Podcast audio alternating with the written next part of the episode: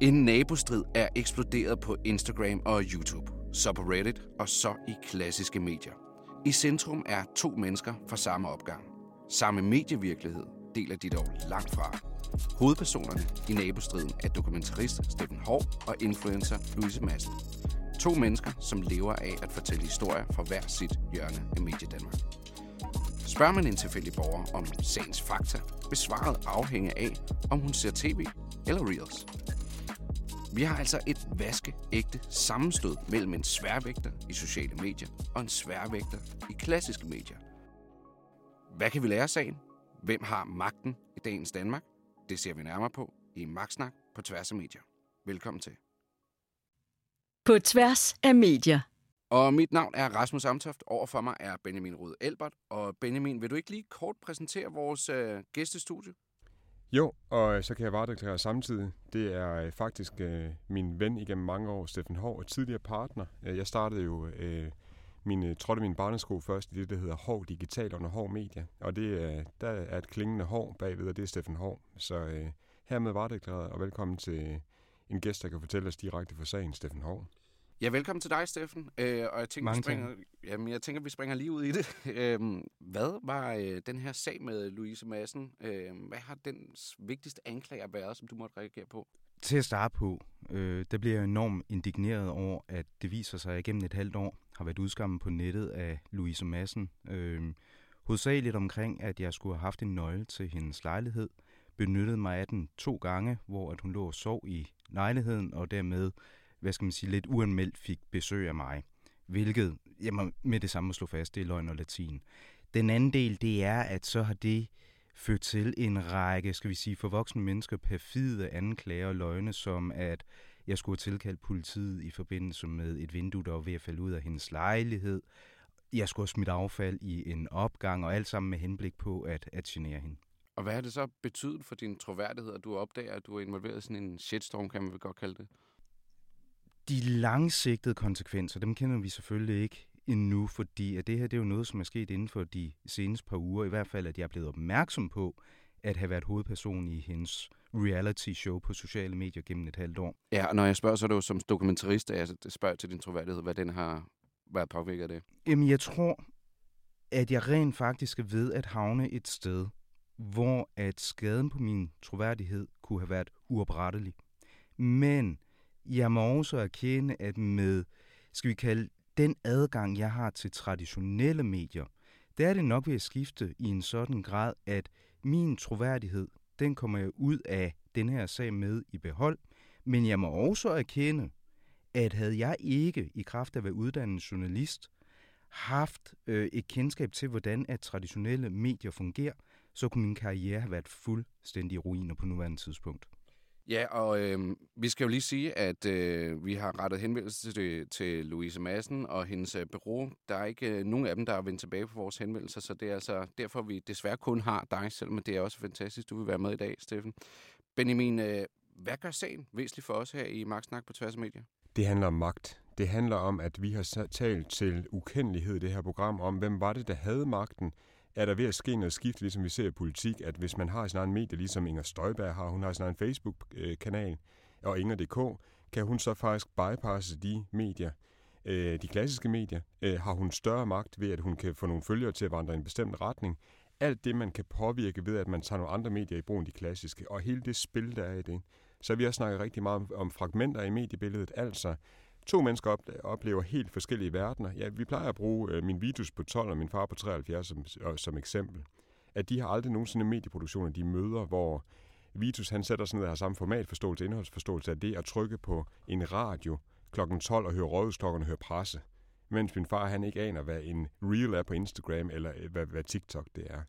Det vil sige, at de får deres indhold helt forskellige steder fra, og det her, det er nok den vildeste case, hvor vi får det her eksemplificeret, både i forhold til magt og den magtforskydning, der sker i øjeblikket i mediebilledet, plus forskellige medievirkeligheder. Vi har altså at gøre med en magthaver i, i form af Louise Madsen med rigtig mange følgere. Hun har kapital, hun kan flytte rundt på i forhold til, at hun har samlet 270.000 følgere på øh, YouTube og Instagram. Og så har vi altså også at gøre med en magthaver, Steffen Hov, som er vant til at færdes i det klassiske mediebillede.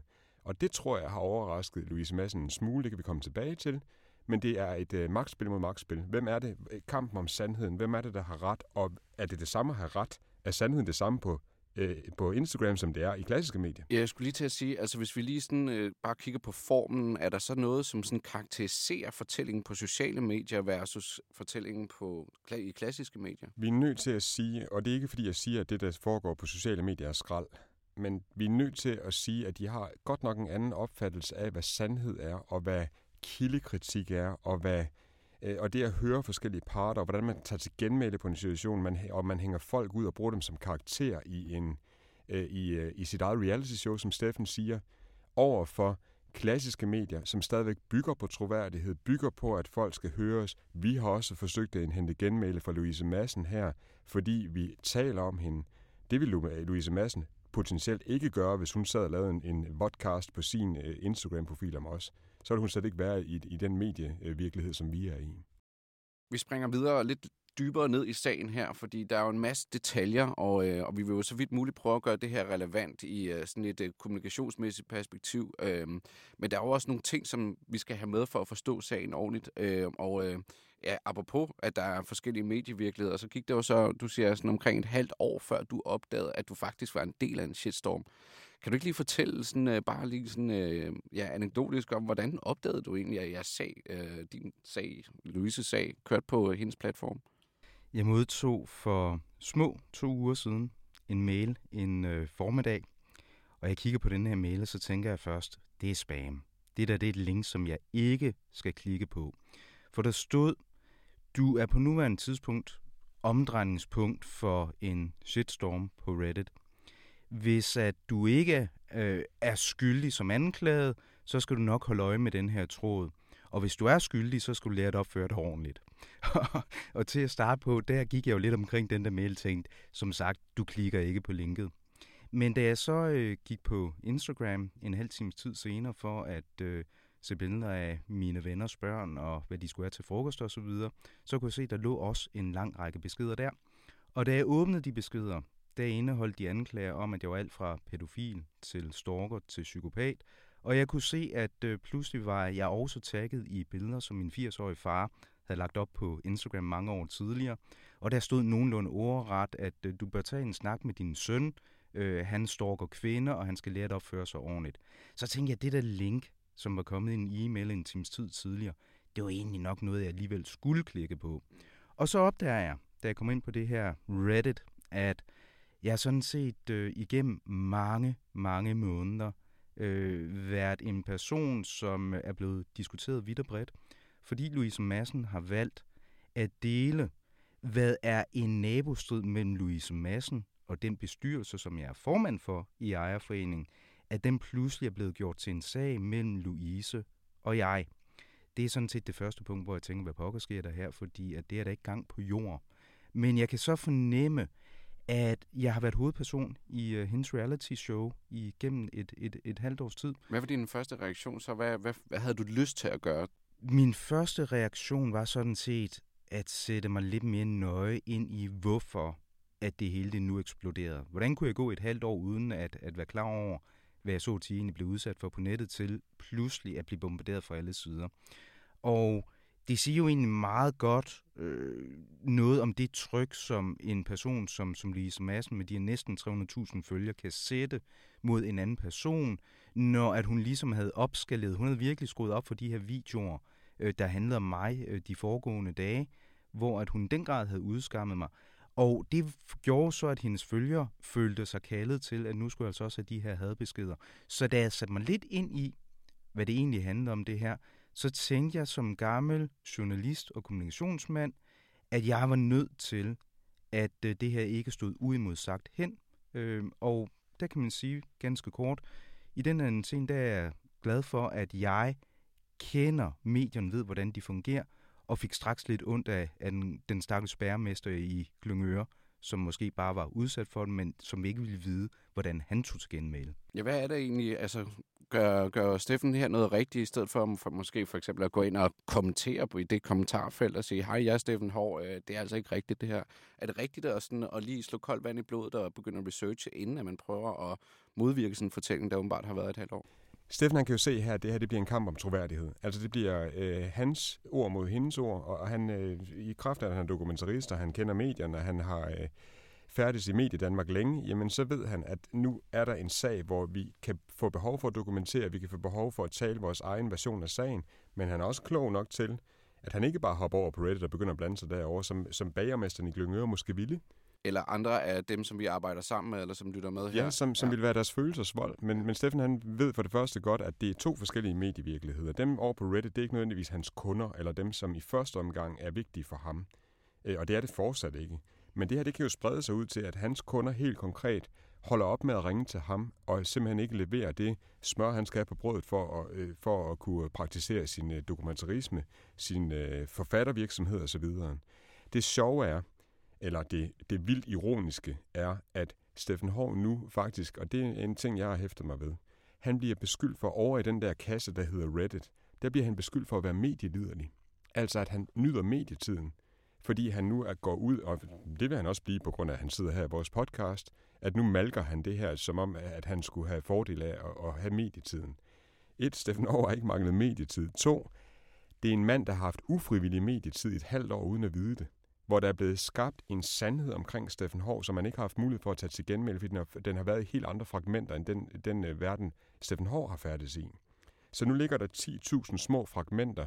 Steffen Hård, han er hoppet på en vejsidebombe og han har fået sprængt det ene ben af, jeg ved ikke, hvad der, er, der sker, så ligger der tusind forskellige granatsplinter rundt omkring i form af små historier på medier, som Steffen han ikke nødvendigvis færdes på, eller ikke har slagkraft på.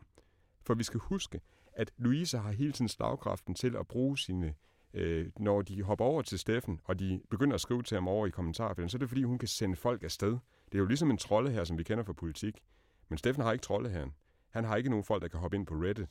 Hvad siger det om, om, om de kommentarfelter og det, det, der så foregår der? Altså... Øhm, at Reddit, vi kunne godt tage den hurtige konklusion og så sige, at Reddit er dumme, og de forstår ikke en skid, og de er underbemidlet op i hovedet, de er underfrankerede. Men vi skal bare forstå, at mediet er en helt anden. De, de opererer ikke med sandt og falsk. De opererer ikke med en sandhedsværdi, som vi gør i klassiske medier.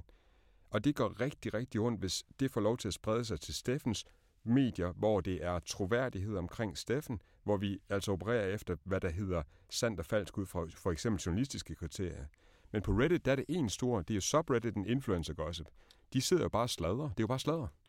Ja, altså, og det du vælger så at gøre, øh, når man, hvis man har fulgt med i sagen, Steffen, det er jo, at, øh, at, at du øh, faktisk går i de klassiske medier.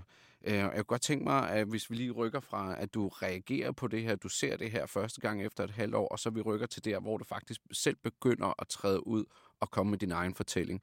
Kan du fortælle om den proces, altså hvilke overvejelser du gjorde dig, da du øh, begyndte at træde ud i de klassiske medier? Først og fremmest, når jeg så agerer så demonstrativt og fokuseret, som jeg gør i forhold til at komme ud i klassiske medier, så skyldes det egentlig en af de her hadbeskeder, jeg får. Hvor at der udover masser af grimme gloser står, internettet glemmer aldrig.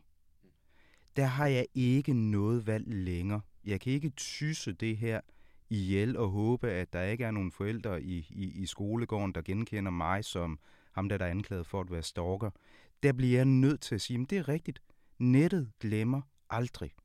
Så jeg ved jo udmærket, at når jeg lægger ud på Facebook en beskrivelse af, hvordan jeg pludselig har den her shitstorm, om end jeg ikke har bedt om den, at der formentlig sidder nogle tidligere venner fra Journalisthøjskolen og fanger historien, og muligvis ringer, fordi det er en meget principiel historie. Øh, og der går jo ikke lang tid efter, at jeg har lagt det her øh, opslag ud på Facebook, hvor at jeg fortæller om, hvad det egentlig er, der sker. Så det er øh, det første, du gør? Det er det første, jeg gør, ja. og det er helt bevidst, jeg gør det. Og jeg tror, at inden for den første time, efter jeg har lagt det her ud, der bliver jeg kontaktet af de største tv-stationer herhjemme og de største øh, aviser, øh, og, og vælger så at lave en aftale med Ekstrabladet øh, under den forudsætning, at de rent faktisk gerne vil agere lige så dokumentaristisk, som jeg agerer i mit arbejde, nemlig at de vil gennemgå dokumentation for, at det, jeg fortæller, også er sandheden. Så det vil sige, det er ikke kun rækkevidde, man skal tænke over, når man skal, skal, ud og modvirke en, øh, en, øh, en, en fortælling i, i, øh, i en shitstorm. Altså, man skal også prøve at, høre, prøve at lytte til, hvad er det egentlig for et ærne, journalisten har? Hvad er det for en vinkel, journalisten kommer med, Benjamin? Steffen, han er ikke, han er ikke kapital på, på grund af, hvor mange følgere han har på Twitter, eller hvor mange øh, øh, venner han har på Facebook. Han har kapital i forhold til, at han kan skære den journalistiske historie til at sige, nu går jeg ud med det her, og det er første signal på, at det her, det er dokument, det holder vand det er, her, the medium is the message her, det er, når jeg går ud her som dokumentarist, tidligere journalist, jeg kender kriterierne, når jeg skriver det her, så kan I være sikre på, med den troværdighed, jeg har, for den har han stadigvæk i behold, uanset hvor meget Louise Madsen hun har skrevet på i de andre nischer. Der ser han journalistiske tidligere venner, fordi det er ikke en vendetjeneste det her, det er en historie, der holder dokumentaristisk vand. Så er det, så er de sikre på, der har vi en historie, og de går ikke kun efter det principielle, som vi løfter op her, de går efter dokumentarismen, fordi de ved, de også, de ved at Steffen han har dokumenteret det. Og de vil da rigtig gerne have fingre i det, blandt andet det dokumentariske stof, som Steffen har. En skrivelse fra Københavns politi på, at det er en forbipasserende, der har anmeldt Louise Madsen, eller der har ringet til politiet, ikke Steffen Hov, som der bliver fremlagt fra Louise Madsen. Det er første ting, hvor det er lodret forkert. To, det er en håndværker, der er gået ind i Louises lejlighed og har lukket døren igen med en undskyldning. Det har Steffen sort på hvidt. Det er selvfølgelig interessant for journalisten, fordi det er journalistisk kapital. Det er ikke, hvor mange følgere der er. På tværs af medier. Og så øh, kommer der jo nogle spørgsmål. Altså, det er jo det, som man så gengæld ikke kan styre. Man kan jo ikke styre en journalists øh, kritiske spørgsmål. Øhm, så jeg kunne faktisk godt tænke mig lige at, at høre dig ad til at starte med, Steffen. Øhm, hvad, hvad vil du egentlig sige, forskellen er på at få kritiske spørgsmål af en journalist i Godaften Live eller af Ekstrabladet, i forhold til at, øh, ja, altså, at se de, de spørgsmål, der bliver stillet øh, til dig i nogle kommentarfelter, for eksempel? Ej, men det er to vidt forskellige verdener. Øh, allerførst, når man ikke har befundet sig i sådan en shitstorm på de her sociale medier tidligere, så bliver du rystet. Allerførst så bliver du nok lidt vred over de ting, du bliver hængt ud for, og så bliver du bagefter rent faktisk ked af, at nogen kan have sådan en opfattelse af dig, fordi at den strider med det menneske, du er i virkelighedens verden. Når det så er sagt, så på et tidspunkt, så stopper du også med at se på de kommentarer, fordi du finder ud af, at for de mennesker vil du aldrig nogensinde kunne fremlægge nok dokumentation til, at de rent faktisk også køber din historie, fordi de har valgt side for lang tid siden. En person, de ikke kender, men som de måske er fuldt gennem flere år og godt kan lide, og derfor så er det også den skændbarlige sandhed for dem. Jeg har ikke noget imod kritiske spørgsmål, og jeg har heller ikke noget imod, at traditionelle medier går til mig. Det må man sådan set også gerne gøre fra en influencers side, så længe at det bare ud fra den præmis, at vi taler om en sandhed og ikke noget, der er opfundet. Og derfor så er det også let at tage imod de kritiske spørgsmål, om de kommer fra en avis som Ekstrabladet eller fra Godaften Live, så længe at du ved, at du har sandheden på din side. Og altså, det, det jeg også tænker på, det er, når, når, når Steffen siger det her, altså er det bedre at bruge sociale medier til at få noget medietid, og så derigennem verificere sine påstande? Det kommer an på, hvem man er. Ja. Louise Madsen, hun kan jo overbevise sine øh, følgere, der, der tror på hende, fordi hun har hundekliktrænet dem igennem længere tid. Det lyder negativt, det behøver ikke at være negativt, men hun kan overbevise dem om, at hun har sandheden. Den sandhed, der nu er i det, hun fremlægger. Men med det samme, hun færdes på klassiske medier for kritiske spørgsmål ud fra journalistens sandhedskriterie, så ser vi faktisk, at hun performer ekstremt dårligt, det er helt forståeligt. Et, hun har en dårlig sag, dokumentarisk wise, altså hun der er ikke hold i billetterne. To, hun er ikke trænet i det, og hun kan heller ikke på nogen måde, når man står med en dårlig sag, hvor man skal, man skal dokumentere noget, man ikke kan dokumentere, og man oven i købet står i et nyt medie, som man er, som man er øh, fremmed fra, så performer man dårligt. Der kan man se, at Steffen han er, og det er derfor, at Reddit nu kalder ham medieliderlig. Jeg vil sige, at de har fundet ud af, hvor mediedygtig i klassiske medier Steffen Hov han er. Så er der nogen, der, der angriber ham derinde for, at han taler langsomt. Ja, han taler langsomt, fordi han, han ved, at det giver troværdighed, fordi det er det menneske, han er, og fordi han, han øh, ved, at han har sin, øh, han, han har ud fra de kriterier, der skal han tale langsomt, så alle kan forstå det, fordi han er ved at for, for, fortælle hans version af sandheden. S- øh, og derfor, hvis du bad Steffen Hård om at lave de Louise-videoer, som hun laver, som hun er helt fantastisk til. Steffen Hård, han har jo arbejdet med video igennem øh, masser af år og lavet masser af, af, af videoting for kunder, som øh, altså på højst niveau. øh, men, men ikke TikTok-videoer eller, eller videoer, som er, er skåret sådan, som Louises er. Så de færdige igen i deres produktion og deres skills helt forskellige. Øh, de er helt forskellige. Derfor, når Louise, når hun færdes i, når hun siger nej til at deltage i dag, det kan jeg godt forstå. Fordi jeg har det ikke være, svaret for at være helt præcis. Nej, nej. men så, så vil det være sværere for hende øh, at sidde her og, og matche det format, vi har her, hvor vi taler langt, og hvor vi, hvor det er, hvor vi bliver udfordret på sandhedskriterier, som vi kender dem her ude i den virkelige verden. Mens hvis hun kan holde sig over i sin egen niche over på sociale medier, så kunne hun blive ved med at skabe sin version af sandheden og sige, jamen jeg har det ord mod ord, påstand mod påstand. Journalisterne, de vil, de vil ryste på hovedet og sige, det er ikke påstand mod påstand, det der. Alle hendes følgere, de siger, det er rigtigt, det er påstand mod påstand, og det er Louise, der har ret. Det er, helt, det er, det er vildt at se på. Jeg vil gerne lige afspille et, øh, et lille klip, øh, hvor at vi først kommer til at høre, øh, hvordan at Louise hun svarer omkring det, at du skulle have været inde i øh, hendes øh, lejlighed i en soveværelse. Det er et interview, som øh, Ekstrabladet laver, og, øh, og der kan man høre, hvordan er hun øh, i hvert fald ikke lige mener det samme, som hun gør i det klip, der kommer umiddelbart lige efter. Så der afspiller jeg bare lige her, for lige at vise den pointe med klassiske medier versus sociale medier. Prøv at høre. Jeg vil rigtig gerne afkræfte alle de rygter, der nu har måttet være med, at øh, min bestyrelsesformand ligesom har været inde i mit soveværelse, mens jeg har sovet. Det er det, det er aldrig forekommet. Han har før øh, troet mig med advokat, fordi at jeg har sagt, at han var gået ind i min lejlighed, mens jeg sov. Hvilket han også gjorde. Nå, i hvert fald, Godt. det er Ja, det, øh, det lyder jo ikke så, så super godt, men, øh, men det er jo også det, hun, øh, hun måske selv erkender i, øh, i klippet her. Øh, jeg kunne godt tænke mig at, øh, at spørge dig, Steffen.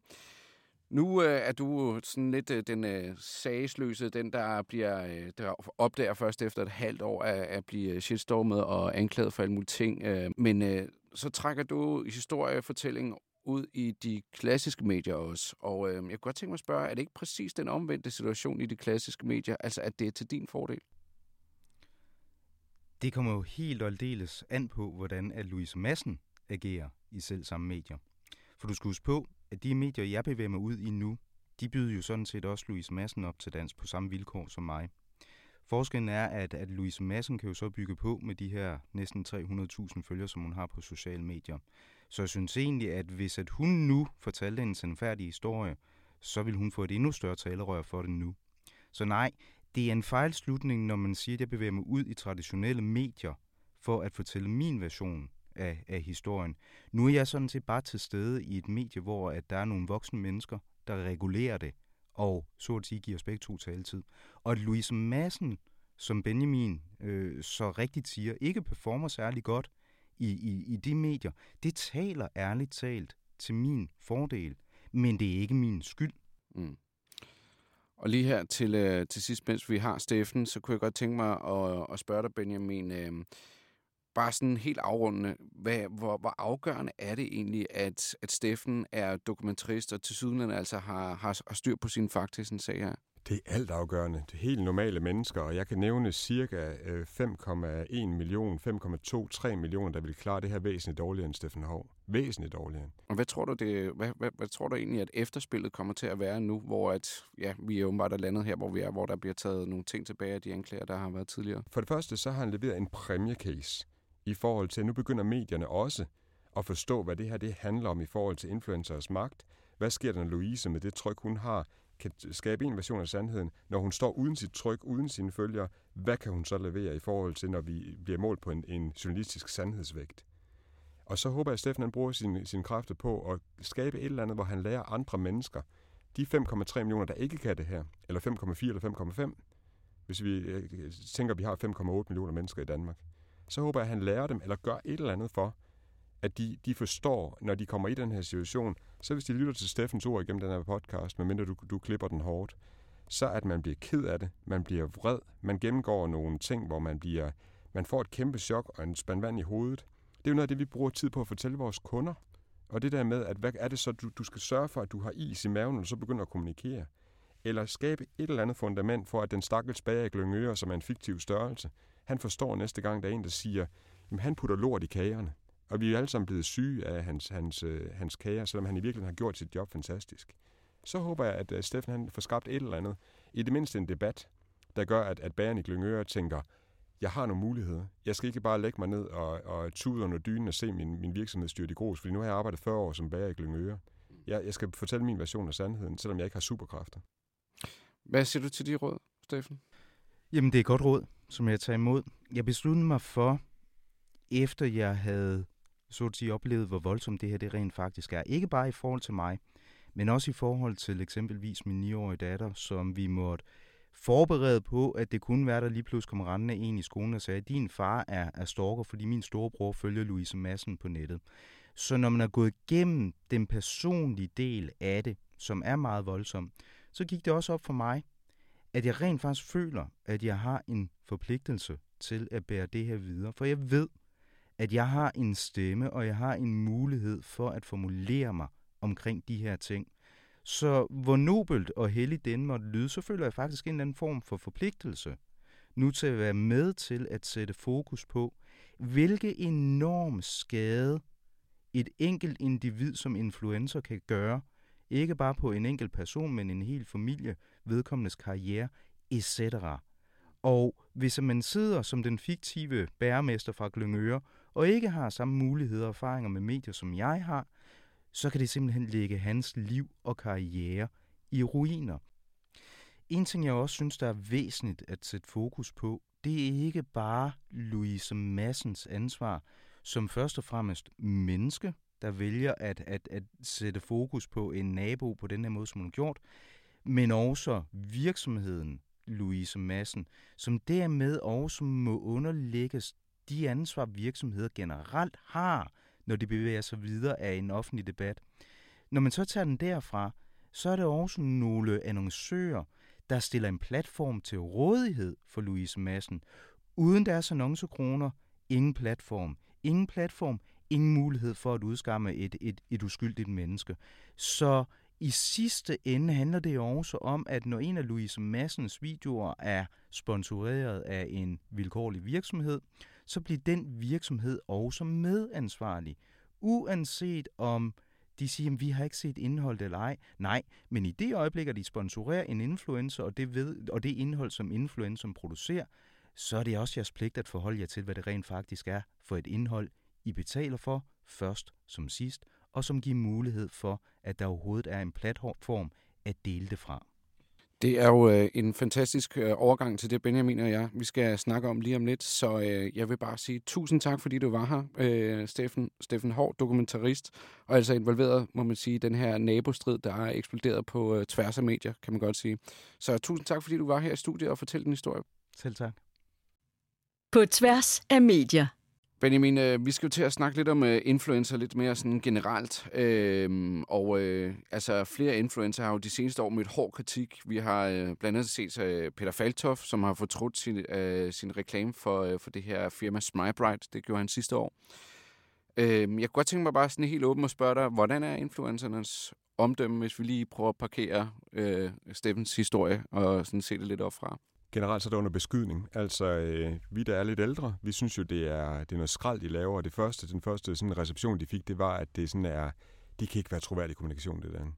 Men så har de jo fået fat på mere og mere, og det vil sige, at øh, i og med, at, at der er flere og flere, altså de unge bliver jo ældre, og nu har vi haft influencer i det her land i mange år, og det vil sige, at, øh, at nu er, er der flere og flere, der synes, at de der influencer faktisk, deres version af sandheden, den er, den er troværdig nok, og den underholdning, de giver, øh, det, er, det er godt nok for, for, for mange mennesker. Hvad, hvad bør man overveje? Der sidder sikkert nogen, der, der er ude og lytter med, og som har overvejet at bruge en influencer. Hvad er det egentlig, man skal holde for øje, når man skal vælge at bruge en influencer som en del af sin markedsføring? Jamen, det, efter Steffens historie, der tror jeg, det bliver meget, meget tydeligt, at man virkelig skal holde øje med, om, øh, om influenceren har en, i det mindste en minimal forståelse af, hvordan sandheden er i etableret medie. Altså, hvad, er, er, hvad kan man tillade sig? Hvad er moral, etik, journalistisk etik, sandhedsværdi? Hvad er det, man gør og ikke gør, og, og, og hvor meget kan influenceren forstå, at det at have superkræfter, det forpligter. Mm. Pippi Langstrøm, når man er meget stærk, skal man også være meget sød. Skal, skal, skal influencer til at varedeklarere sit, uh, sit indhold, altså som et klassisk medie? Altså hvis man er for eksempel en avis, så har man jo en klummeskribent, så ved man, at det er sådan en mere personlig stof, og så har man nyhedsjournalistikken på den anden side, som er den der tilstræbte øh, objektivitet. Skal man som influencer også til at, ligesom at varedeklarere hver, hver video som, uh, som et, nogle forskellige produkter? Altså de har jo varedeklarationer, og det sørger forbrugerombudsmanden blandt andet for, at der står, at det her det er betalt partnerskab med, eller hvad det nu er. Og i øh, Steffen Hovs case, der er der jo også, det, det vilde er jo, at øh, mange af de videoer, som stadig ligger der og stadig ikke er slettet, de er jo sponsoreret i første omgang med annoncekroner, og der, der, man hører i videoerne, at det er, produktet bliver jo nævnt i sammenhæng med udskamningsvideoerne. Så i virkeligheden, så, selvom Louise Madsen har sagt, at hun, ville, hun, er, hun er ked af det, der er sket, og hun skulle nok ikke have hængt Steffen Hov ud på den måde, hun har gjort, så ligger videoen der stadigvæk, og de har stadigvæk samme indhold, og det er båret af reklamekroner. Og det vil sige, hvor er udgiveransvaret? Hvor ligger det hen? Er det havde en avis gjort det samme? Nej, de havde det selvfølgelig, hvis de, hvis de kan se, at de har, de har gjort nogen uret og gjort skade på nogen uh, uretmæssigt, så har de fjernet de, de ting, der gør skade de er forpligtet til i journalistisk sammenhæng at prøve at berigtige historien med samme slagkraft, som de har, som de har, som de har forvoldt skaden. En forside for en forside. Ja. ja, men Louise Massens tilfælde, hun kan ikke lave en forside for en forside, fordi for det første, hendes følger gider ikke at høre på, at det er en berigtigelse her. Så hvis hun, hvis hun laver en berigtigelse, så vil der ikke være lige så mange, der, der hører på det. Ellers så vil de tænke, oh, way to go girl, fantastisk, at du går ud og laver berigtigelsen, og så vil hun få point for det. Men udgiveransvaret her ligger også vi er nødt til at have en diskussion af, hvor udgiveransvaret er. Fordi der sidder, jeg tager godt nævne de, de brands, som Stephen Hård, han, han ikke nævnte. Det er Naked, det er Hello Fresh, det er en masse øh, brands, som lige nu er under voldsom beskydning fra øh, på Trustpilot, og typisk er de folk, der har en klassisk medieforståelse. Så dem over på Reddit vil synes, at de er boomer, og dem, der sidder og, øh, beskyder brands over på Trustpilot. Men de folk, der sidder og beskyder derovre, de har altså en pointe, uanset hvad Reddit-folket siger. Og de har også, der er, et, en, der er altså nogle brains her, der skal kigge meget nøje efter, hvad det er, de stadigvæk har liggende derude med deres navn på. De har udskamningsvideoer, der ikke består en journalistisk sandhedstest, hvor deres navn det er blevet brugt til at lave forretning. Steffen Hård har ikke en Louise Madsen imod sig, han har en stor forretningsmodel imod sig, hvor de tjener penge på. De har de facto tjent penge for at gestalte Steffen Hård som en karakter, og lave et karaktermord som en del af en fortælling, der har givet dem penge, engagement, der har fået folk til at købe flere øh, produkter. Så det er nærmest ligesom at have et våben på sociale medier. Altså, det er nærmest en våbentilladelse, man skal, man skal ud og have for... Uh, altså, man, man skal nærmest tænke det sådan, fordi man kan ødelægge ekstremt meget. Man kan ødelægge et menneske. Man kan måske også ødelægge kongressen, som, uh, som Trump gjorde i, uh, for et år siden. I det, vi taler om, i det sladderprogram, der talte de om, at det var, at Louise Madsen var en, en treårig pige eller en femårig pige med en Ferrari. Altså, at hun havde simpelthen så mange penge, så hun forstod ikke, hvad det var, hun havde med at gøre. Jeg lyder jo farvet, når jeg starter med at varedeklarere, at jeg øh, har været i stald hos Steffen Hov. Og det vil Reddit-folket sikkert sige, men, men faktuelt er det, at det her det er en, en kvinde, der har haft at gøre med nogle medier, hun ikke kunne styre i journalistisk, dokumentaristisk sandhedssammenhæng. Det her det er ikke en pige med en Ferrari, en treårig pige med en Ferrari, det er en treårig pige med en maskinpistol. Mm. Og hun, er ved at, hun har været ved at skyde en anden mands karriere ned i forhold til troværdighed, og hun har været ved noget endnu værre. Når Steffen Hård han bliver nævnt som pædofil, for han har fået direkte besked om, at han var pædofil. Vi ved, at jævnfør dit eksempel fra Capitol Hill, ord betyder noget. Rigtige mennesker, det er ikke ludobrikker, vi sidder og spiller med. Rigtige mennesker, der får at vide af Donald Trump, at hans sandhed det er, at han vandt valget, som han ikke vandt det. De går ind på Capitol Hill, og der sker drab. Det er rigtige mennesker, der flytter sig rundt. Det er også rigtige mennesker, der ringer til Steffen Hård sent om aftenen, fordi de på Reddit siger, at skal vi ikke alle sammen kime Steffen Hård ned i aften. Det er rigtige mennesker, det er ikke ludobrikker, vi spiller med. Men Louise Madsen, hvis hun virkelig mente det her, så kunne hun hjælpe med at rydde op i alle de granatsplinter, hun har skabt. Det vil tage en lang tid. Lige så lang tid det vil tage som den video, hvor hun... Et fantastisk video, hvor hun bruger to dage på at rydde op ved nytårsaften. Hun konstaterer, at det konfetti, der kan de midler, hun ellers bruger, det kan ikke fjerne det stykke konfetti, så hun er nødt til at pille dem op med fingrene. Men kan hun ikke være, være, være fuldstændig ligeglad? Jo, det kan hun da, fordi hun kan da grine hele vejen til banken. Hendes følgere, de er der, der stadigvæk, fordi de er ikke kritiske nok til at tænke, at de, de sidder og, og at de har gestaltet Steffen Hård som en øh, karakter og en gnom, der er blevet karaktermyrdet. Og de sidder og tænker, at det er bare ekstra bedre, det er nogle boomer-medier. Medier, vi synes stadigvæk, Steffen Hård, han er en boomer, der er medieliderlig. Så vi køber stadigvæk Naked og Hello Fresh, og vi sidder stadigvæk som øh, sidder i vores, egen, vores eget virkelighedsbillede over på Reddit. Men bare lige for at vende tilbage til, til, til Louise, altså nu har vi jo et program, der hedder Marksnak på tværs af medier. Jeg kunne tænke mig det, det sidste spørgsmål, jeg stillede dig, Benjamin. Oven på alt det her, hvem har magten? Det har de klassiske medier heldigvis stadigvæk. Og dog, fordi der ligger stadigvæk nogle splinter derude, som Steffens, når hun bliver 14 år i pige vil støde på. Så man kan sige, hvem har magten i forhold til det, der er Steffen Kært? I forhold til Steffens dokumentaristiske troværdighed i den niche, der hedder Medie Danmark, der har Steffen bevaret sin troværdighed, muligvis endda bygget ovenpå, og vist, at han havde de superkræfter, som man også skal bruge i sit arbejde generelt. Og han har dokumenteret det hele vejen igennem. Men i den niche, hvor hans målgruppe, en målgruppe, som, han ikke, som ikke er han selv, ham selv, men hans datter, der vil, der vil, vil den, han, hun vil støde på de granatsplinter, når hun kommer længere frem, fordi Louise hun ikke gider gøre noget for at rydde op på det. Og det er, der kan man sige, at, at den, der har magten til at påvirke, hvad Steffens datter hun skal synes om sin far, hun øh, vil i hvert fald støde på det, og så vil hun tænke, gud, min far, han, min store superhelt, som altid har været så god ved ham, han havde også en slagside potentielt. Og det er med mærkeligt. Kampen om magten foregår i flere arenaer ad gangen. Og i nogle tilfælde vil kampen kun foregå i én enkelt arena. Det har med andre ord aldrig været vigtigere at kunne svare på spørgsmålet, hvor er min målgruppe? Det handler om at have slagkraft i de arenaer, hvor målgruppen befinder sig.